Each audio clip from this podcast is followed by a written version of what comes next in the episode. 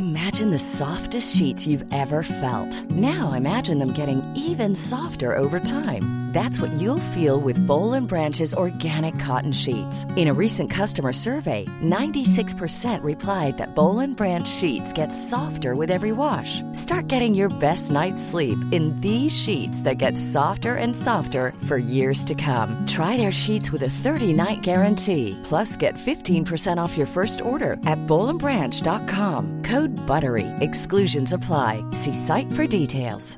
Ryan Reynolds here from Mint Mobile. With the price of just about everything going up during inflation, we thought we'd bring our prices down. So to help us, we brought in a reverse auctioneer, which is apparently a thing. Mint Mobile unlimited premium wireless. Have to get 30, 30, bit to get 30, bit to get 20, 20, 20, bit to get 20, 20, bit to get 15, 15, 15, 15 just 15 bucks a month. So, Give it a try at mintmobile.com slash switch. $45 upfront for three months plus taxes and fees. Promo rate for new customers for limited time. Unlimited more than 40 gigabytes per month. Slows. Full terms at mintmobile.com. Hey, it's Ryan Reynolds, and I'm here with Keith, co-star of my upcoming film, If, only in theaters May 17th. Do you want to tell people the big news?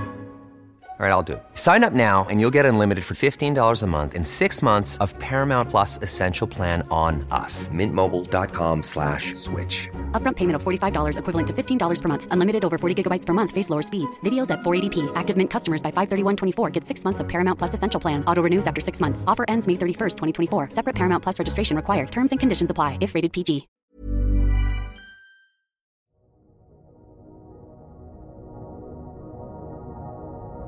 Så Johan, jag kommer spela ett ljud för dig så ska du få gissa vad det här är för något.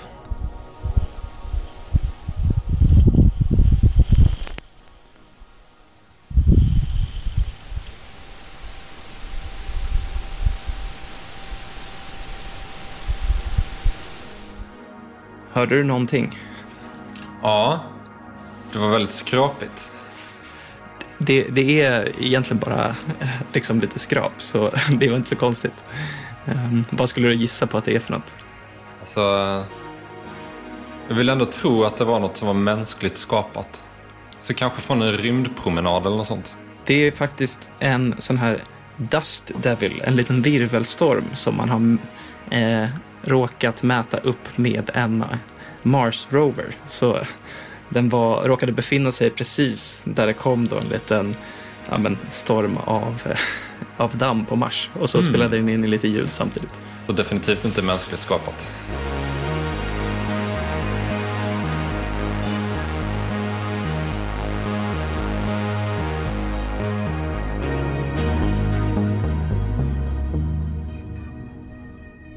Hej och välkomna till ännu ett avsnitt av Intergalaktiskt, en podcast om rymden som görs av Ny Teknik. Idag ska vi prata om James Webb-teleskopet. Jag heter Bill Borå och med idag för första gången är också Johan Kristensson, reporter på Ny Teknik. Hur är läget med dig? Tack, eh, det är bra med mig. Eh, Kul att eh, få vara med och göra lite rymdpodd. Ja, du har ju varit med lite i någon av Ny Tekniks poddar tidigare, men inte i Intergalaktiskt, så det ska bli roligt. Verkligen. Så idag ska vi prata om James Webb. När den här podden släpps så kommer teleskopet ha varit uppe i rymden i drygt ett år. Så vi tänker lite sammanfattning av själva teleskopet och också lite om den forskning som har gjorts. Har du själv följt teleskopet under det senaste året, Johan? Man kan säga lite på avstånd kanske. Ehm, men eh, inte, inte, inte varenda släpp sådär. Utan, eh, men vi har ju rapporterat löpande om det på, eh, på Ny Teknik. Eh, jag har inte skrivit om det själv men ehm, det, det är spännande och häpnadsväckande bilderna som produceras. Det har ju varit svårt att undgå bilderna kanske eh, för, för alla. Även om man inte är jätteteknikintresserad så är de ju väldigt häftiga att se. Så innan vi går in på själva teleskopet så eftersom att vi är en teknikpodd så tänkte jag att vi börjar med ett experiment som kan vara lite trött i det här läget. För ChatGPT har ju varit så otroligt stort och diskuterat i de flesta medier. Och vi har ännu inte gjort någonting intergalaktiskt om det. Så jag lät eh, chattroboten skriva en liten sammanfattning om vem James Webb var. Eh, alltså personen som teleskopet är döpt av. Så jag tänker att jag läser två stycken stycken om honom och så får du Johan sen gissa vilket som ChatGPT har skrivit. Så här kommer det första. James E. Webb var en amerikansk regeringschef som tjänstgjorde som NASAs andra chef från 1961 till 1968. Han spelade en viktig roll i utvecklingen av myndigheten och var avgörande för planeringen och genomförandet av Apollo-programmet, som landade de första människorna på månen 1969. Han var känd för sitt starka ledarskap och sin förmåga att navigera i komplexa politiska miljöer. Nummer ett. Redo för nummer två? Absolut, kör. Så James Edwin Webb var en amerikansk regeringstjänsteman som tjänstgjorde som den andra administratören för NASA från 1961 till 1968. Innan han utnämndes till NASA-administratör hade Webb en lång och framstående karriär inom regeringen, där han tjänstgjorde som underskattsmästare och senare som direktör för budgetbyrån. Han räknas som en av de viktigaste personerna i utvecklingen av NASA. Så vad tror du? Vilken var jag, vilken var AIn? Ja, det finns ju en viss risk att trampa på ömma tår här. Men uh, um, jag, jag, hoppas att uh, du skrev den första. Mm. Eh, jag eh, skrev ingen av dem. Eh, ChatGPT skrev båda. en kuggfråga. så jag, jag tänkte, jag, jag, bad den omformulera sig och så kände jag att ja, men, någon av dem kanske kan lura dig. Bra test.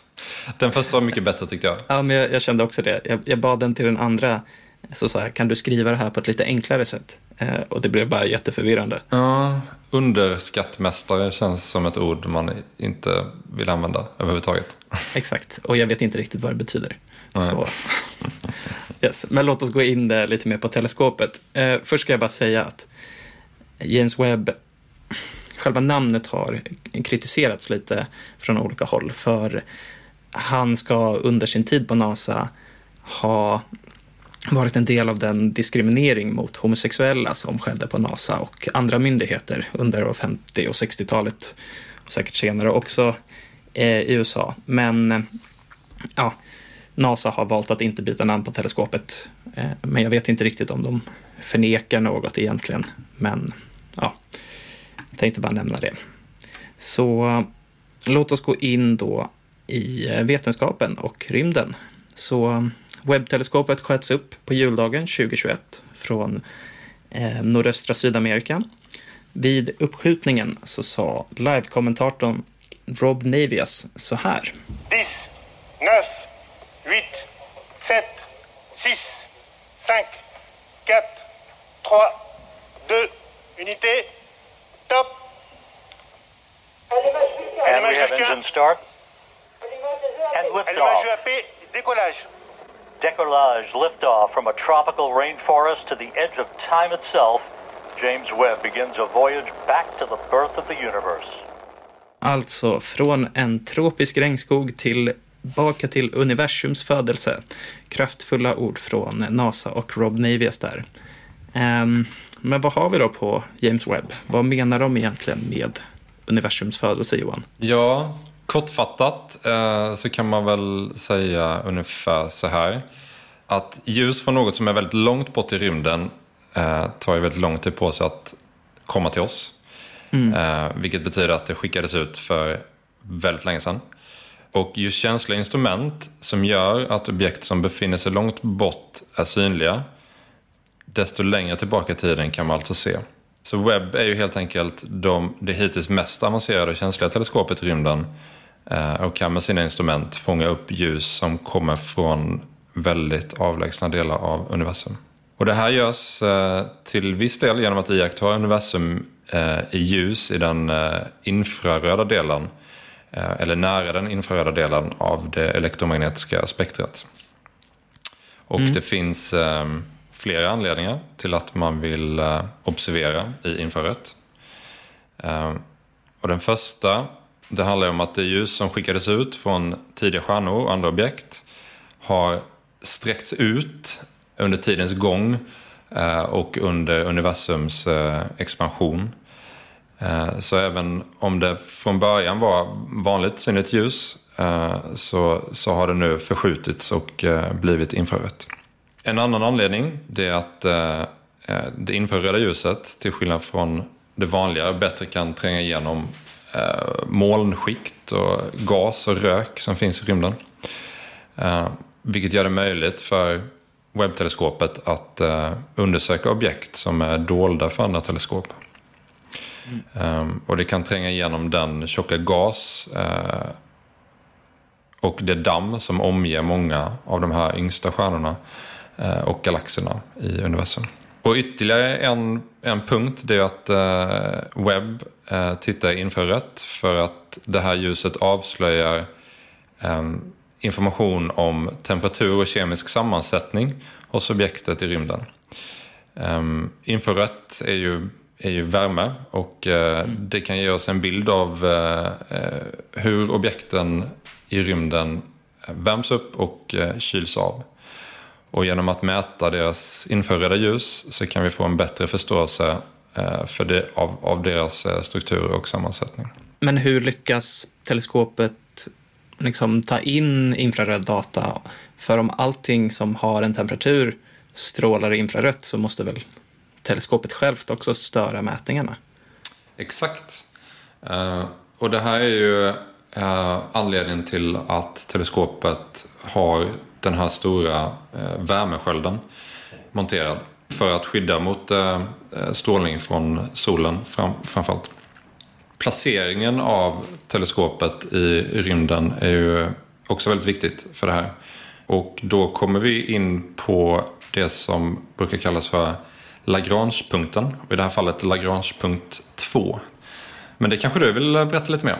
Lagrangepunkter är ju lite så här udda punkter som finns i system med tre kroppar. Så man tänker sig jorden, solen och då James Webb-teleskopet i det här fallet. Mm. Då finns det olika punkter i det systemet där man skulle kunna placera eh, det här teleskopet så att det i stort sett är stationärt mer eller mindre.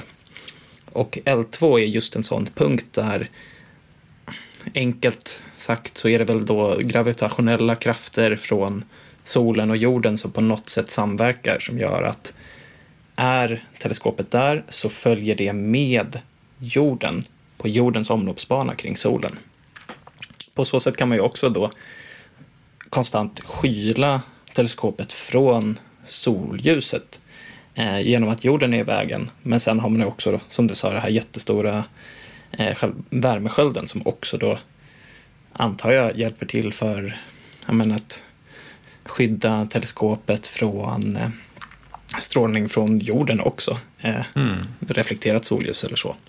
Um, så L2 är då en ganska perfekt plats att ha ett teleskop som just ska vara så kallt som möjligt och blicka ut i universum eftersom att det då följer jorden i, i banan runt solen. Men det finns flera Lagrangepunkter också? Ja, exakt. Det finns... Så L2 är då på utsidan av jorden. Det finns en punkt mellan jorden och solen.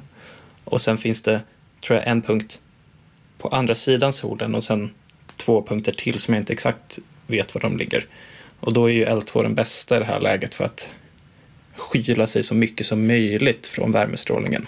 För att kunna se till att det infraröda ljuset som mäts upp faktiskt kommer från universum och inte är bakgrundsstrålning. Jorden ligger hela tiden och, och skyddar mot solens strålning, så kan man säga. Och L2 ligger ju då på, vad var det, 1,5 miljoner kilometers avstånd. Från jorden va? Från jorden, exakt. Vi räknar lite på det där. Hur många jorddiametrar eh, var det? 118 eller något sånt? Exakt, 118 stycken. Ganska långt ut.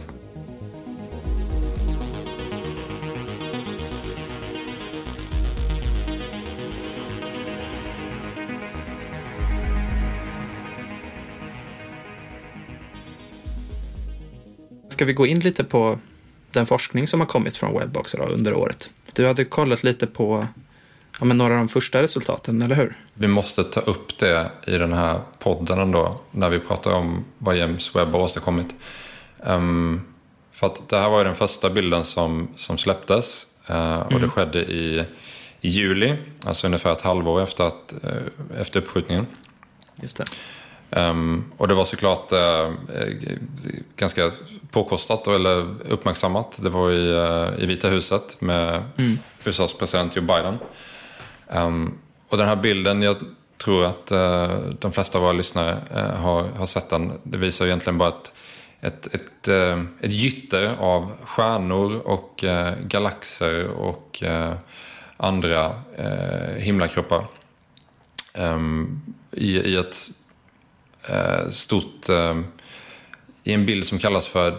NASA brukar kalla den för deep field. Um, mm. Vet inte riktigt vad man skulle kalla det på svenska. Men det man riktade teleskopet mot var i alla fall ett eh, galaxkluster eh, som heter eh, SMACS 0723. Charmigt namn. Ja, det är som vanligt i sådana här sammanhang.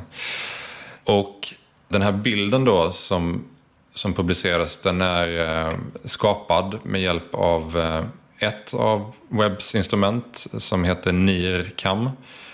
Eh, och NIRCam är en kamera som kan hantera spektrat som ligger nära det infraröda. Och den här bilden är ju, för mig är den liksom definitionen av fantasieggande på något vis. Det man ser är ju tusentals galaxer.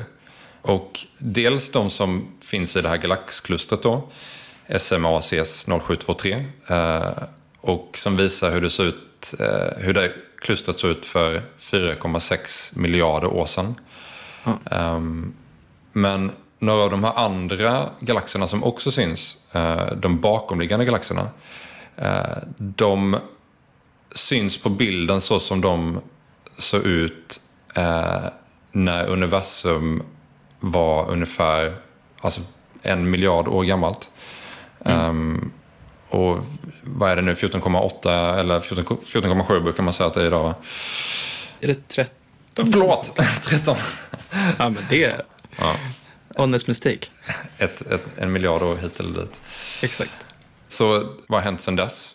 Det vet vi inte, det, kan vi inte veta men, eh, just nu. Men Eh, man kan ju inte låta bli att eh, fundera över vad som har hänt sen, sen de här då, eh, mer än 10 miljarder åren har gått. Men det är väl det som är så häftigt med att det första som släpps på något sätt också Syftet med webb är ju att skåda så långt tillbaka i tiden som möjligt och att man då får ut det så pass snabbt som i den första bilden liksom som släpps efter att all kalibrering har skett, att den stora segmenterade spegeln liksom har vinklat så att den fungerar som en. Att det, ah, nej, men det är riktigt häftigt. Och ännu häftigare, eller mm. häftigast av allt kanske, enligt mig, Ja. Det är nog att det som teleskopet avbildade eh, i den här eh, bilden, alltså mm. den, den liksom punkt på himlavalvet, eh, så som NASA själv beskriver det så är ju är den ytan detsamma som om man skulle hålla upp ett eh, sandkorn mot himlen på armslängds avstånd. Eh, och ett, alltså, liksom hur många sådana här bilder skulle man behöva ta för att täcka hela himlen? Uh, Otroligt. Och, ja, det är och vad finns det att se där? Man se det här sandkornet om man... Nej. Alltså, om man skulle, kan man ens hålla i ett sandkorn? Sånt ger mig svindel och jag gillar det. Det är så, det är så enormt stort. Ja. Och med det här teleskopet så kommer vi kunna se ännu lite mer av det. Och visst är det så att just den här punkten av himlen har ju Hubble också fotograferat innan så att det här blev någon sorts första jämförelse att men nu, nu har vi ännu bättre upplösning, nu har vi ännu mer att visa på något sätt. Precis. Just den här bilden som Webb tog, det är en sammansatt bild kan man säga av ett flertal exponeringar eh, där man då ställde in den här instrumentet eller kameran på olika eh, olika våglängder som sen mm. läggs ihop eh, i en dator. Och den totala exponeringstiden för den här bilden var 12 och en halv timme. Mm. Men djupet som, som Webb uppnådde på de här 12 och en halv timmarna är redan större än vad Hubble eh, hittills har kunnat eh, eh prestera som, som absolut bäst. Och då, då krävde Hubble flera veckors exponeringstid för att uppnå eh, sitt, sitt bästa djup så att säga. Mm. Så att med webb, det, vi har liksom bara skrapat på ytan ännu. Eh, genom att använda sig av längre exponeringstider så kan vi förvänta oss bilder från tidpunkter som ligger ännu, ännu närmre eh, Big mm. Bang eh, framöver.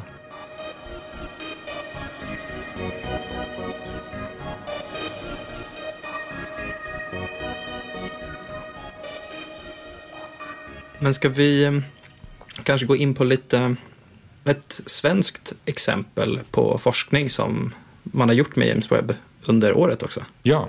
För jag har pratat lite med Per Bjerkeli som är docent vid Chalmers. Ehm, och han har tillsammans med en internationell forskargrupp styrt själva teleskopet. Eller han har snarare fått vara med och välja vad eh, teleskopet ska vara riktat mot. Mm. Det hans forskningsgrupp sysslar med är egentligen protostjärnor, alltså yngre stjärnor, för att försöka förstå hur olika sorters stjärnsystem bildas och ja, men, vad händer när planeterna bildas, när stjärnan är ung.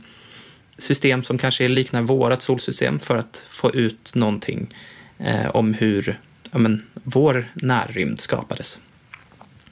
Och det de siktade webb mot var ett stjärnsystem som heter TMC1A. Även det är ett snyggt namn. Ehm, det ligger ungefär 450 ljusår bort och är runt 100 000 år gammalt. Så det är ju verkligen inte de här jättestora avstånden som det är på den här deep field-bilden. Utan nu är det ju någonting som är ganska nära. De har använt instrumentet NIRSPEC som eh, finns på webb också. Och det de har gjort då är att kolla på en stjärna som är på väg att bildas och på den protoplanetära disk som finns där. Så jag ska spela upp ett ljudklipp från när jag snackade med Per. Men när vi pratade så satt han i bilen. Så vi får se lite hur bra man hör det här ljudet. Mer specifikt vad, vad vi kollar på då är att alla sådana här unga solsystem skickar ju ut, eh, man säga, vindar av gas eh, ut i rymden med höga hastigheter. Mm. Och det gjorde vårt solsystem en gång i tiden också. Och de, där, de där vindarna de tror vi påverkar planetbildningen på något sätt. Och alltså, de påverkar liksom förutsättningarna för att kunna bildas planeter. Men okay. vi vet liksom inte riktigt vad de här vindarna består av, hur de accelereras iväg och sådär. Och då, då behöver vi använda James Webb för att bena ut det där pusslet kan man säga. Liksom vilka molekyler och atomer som finns kvar. Så. Så det de gör är alltså att använda webbteleskopet för att försöka ta reda på vad som finns i de strålar av gas som bildas av en stjärna. Liksom det, det, är som att det strålar ut i någon sorts timglasform. Och så är det jätte, liksom mycket rörelse och så är det olika sorters atomer och molekyler. Mm. Ehm, så det här kan man göra genom att kolla på olika våglängder. Eh, och då får man fram någon sorts spektralt fingeravtryck eftersom att varje atom och molekyl bara strålar med vissa våglängder. Eh, och det ljuset motsvarar ju då skiftningar mellan olika energitillstånd för just de här partiklarna. Mm. Och fördelen med att använda James Webb för något sånt här är att, men som vi pratade lite om tidigare, infrarött ljus tar sig igenom gas och stoft mer.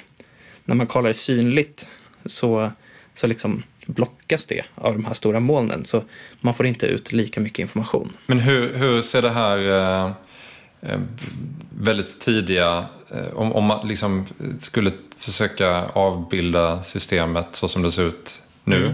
eller för 450 år sedan då kanske. Har, har det börjat bildas eh, planeter? Så de har faktiskt inte släppt just forskning från det här systemet än, eller sin studie då. Men jag vet inte om det har börjat komma planeter, men vi har någon sorts liten stjärna i mitten. Så finns det ju en disk då. Men det är väl det de försöker få fram här, att ja, men, vilka partiklar finns var i den här disken? Vart finns det väte? Vart finns syre? Var finns järn? Och så vidare. Och på så sätt kanske man liksom också kan avgöra lite så här, var är det störst chans att det bildas en planet eller så. Men jag är inte helt säker på om det här systemet har några små planeter redan eller om det än så länge är i stadiet att det bara är liksom en väldigt ung stjärna på något sätt. Mm. Men vi får se lite när deras första resultat kommer för de, de fick väldigt ja, mycket data Men Per sa också att det, det, krävs en del kalibrering av den för att förstå exakt vad de har. Eh, när vi pratade sa han att ja, han har att göra till pensionen om man skulle vilja för att det är liksom så mycket data. Mm. Och då fick de ändå bara tillgång till webb under fem timmar tror jag. Va? Oh, ja. Så, så det, är, det är ganska häftigt att de liksom, ja men det är de här slottarna med lite tid åt olika forskningsprojekt. Uh. Så då, det har hunnit liksom komma in så otroligt mycket data som inte är, ingen har liksom haft tiden riktigt att gå igenom allt än. Mm. Så jag tror att även fast det bara gått ett halvår så har det säkert upptäckt saker som man bara inte vet om att man har upptäckt den. Man mm. måste reda ut vad som finns. Vad hade du själv riktat uh, webb mot om du hade fått uh, fem timmars exklusiv tid? Alltså jag tycker att de här bilderna på typ skapelsens pelare som har kommit, har du sett dem? Mm. De är ju helt otroliga. Alltså, alltså, kanske någon annan nebulosa av något slag bara för att få en schysst bild. Um, jag vet, man har ju också gjort lite mer samlat in data från atmosfären hos exoplaneter och sånt där. Och det, mm. det är ju också intressant. Um, för att se liksom, ja, men, vad kan vi hitta för olika ämnen. Det har ju man pratat om, liksom, kan det leda till att vi hittar liv och sånt där. Mm. Så kanske något sånt också, men jag tycker ändå att det mest spännande är just det tidiga universum på något sätt. Så mm. någon okänd punkt ute i rymden där det ser helt mörkt ut, bara för att se vad som dyker upp kanske. Skulle kunna bli den uh, ultimata fototapeten kanske. Med uh, skapelsens pelare som man själv har uh, tagit med hjälp av, eller ja, själv och själv, men med hjälp av uh, att ha fått tillgång till webbteleskopet. Har du något som du hade riktat teleskopet mot om du fick välja? Oj, jag är ju inte astrofysiker som du är. Så jag vet inte riktigt vad som är outforskat eh, på Nej. samma sätt. Men eh, krabbnebulosen är väldigt fin. Mm. Jag vet inte om eh, planen är att eh, eh, avbilda den med, med webb eller om det ens går. Men, eh, jag kan tänka mig, jag tror att alltså, forskare vill nog göra allt möjligt. Mm. det skickas in jättemycket förslag på det här och sen handlar det väl någonstans för NASA och de som styr teleskopet att liksom prioritera. Vad ska vi välja? Vad är liksom den viktigaste forskningen? Men, eh, ja, men Per eh, Bjerkeli vid Chalmers, han var ju inte övertygad om att han skulle få den tiden de fick. Så de planerar på att skicka in ett nytt förslag, men de vet inte riktigt om, om vad än. Och jag tror att det finns väldigt mycket forskning som kommer komma nu 2023 som eh, ja, men det är värt att ha lite koll. Eh, mm.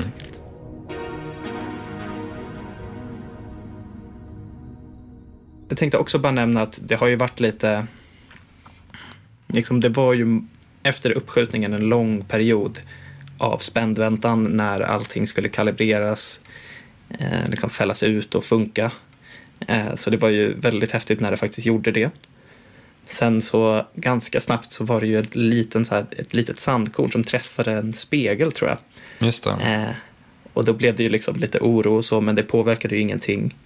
Sen har man också märkt någon sorts ökad friktion i ett hjul som kontrollerar vilka våglängder man kollar på eh, eller samlar in data i. Men det ska uppenbarligen vara löst nu också, så det är ju ganska bra. Mm. För när någonting går fel här liksom, om något går sönder så är det ju så pass långt bort att vi, vi kan ju inte åka dit och laga det som man har gjort med Hubble. Men hur är det? Det är designat för att kunna ta, tåla vissa mindre krockar med typ eh, gruskorn va? Ja, exakt. Och spegeln är ju också segmenterad. Så även om jag tror vi skulle förlora en eller två så skulle det fortsätta gå och göra forskning med. Eh, men, eh, men ja, det har ju olika liksom säkerhetssaker. Eh, mm. Och själva typ värmeskölden är ju också den är ju så himla viktig just för att det är infrarött. Då. Eh, men om den skulle gå sönder så är den också sydd i bitar tror jag. Så liksom om en bit går sönder så går inte hela seglet sönder. Bara mm. så att man mm. har liksom någon sorts backup där. Mm. Jag tänkte att vi kunde avsluta lite med en till sak som Per eh, Bjerkeliv i Chalmers berättade. För jag tycker det var ganska roligt att han fick reda på att eh, webbteleskopet gjorde hans forskning när han var på en eh, tågstation i Göteborg. Um, så jag spelar upp ett litet ljudklipp till här. Så på. De har ju någon sån här Twitter-robot som skriver ut vad Jens Webb observerar hela tiden. Okej. Okay. Ja. Jag såg ju när de gick på vårt projekt och då stod jag på stationen i Göteborg och väntade på tåget. och från, från det liksom, det var nog, ja det var fredag eftermiddag tror jag som jag åkte hem. Ja. Och sen tror jag jag hade datan på min laptop. Och, om det var söndagskvällen eller måndagskvällen. Hmm. Så han var alltså på tågstationen, kollade på Twitter, såg att ah, nu kollar världens dyraste och mest avancerade rymdteleskop på någonting jag har bett att kolla på. Och bara tre dagar senare så hade han liksom observationsdata på datorn. Oj. Det är, det är ganska imponerande på något sätt att ja, men vi har kommit så långt teknologiskt att eh, det ens är möjligt att göra det. Ja, det är coolt. Det. Jag tänker att vi avslutar avsnittet om James Webb där. Det kommer säkert finnas möjligheter och anledningar att komma tillbaka just till Webb. Men eh, det var allt för idag. Tack för att ni har lyssnat och glöm inte att prenumerera på Intergalaktiskt. Ha det bra Johan. Detsamma Bill.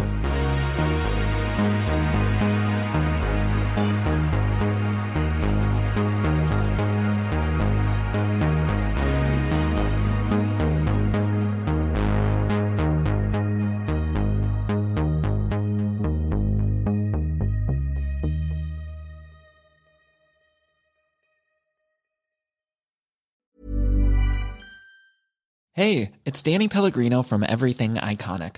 Ready to upgrade your style game without blowing your budget? Check out Quince. They've got all the good stuff shirts and polos, activewear, and fine leather goods, all at 50 to 80% less than other high end brands. And the best part? They're all about safe, ethical, and responsible manufacturing. Get that luxury vibe without the luxury price tag. Hit up quince.com slash upgrade for free shipping and 365 day returns on your next order. That's quince.com slash upgrade.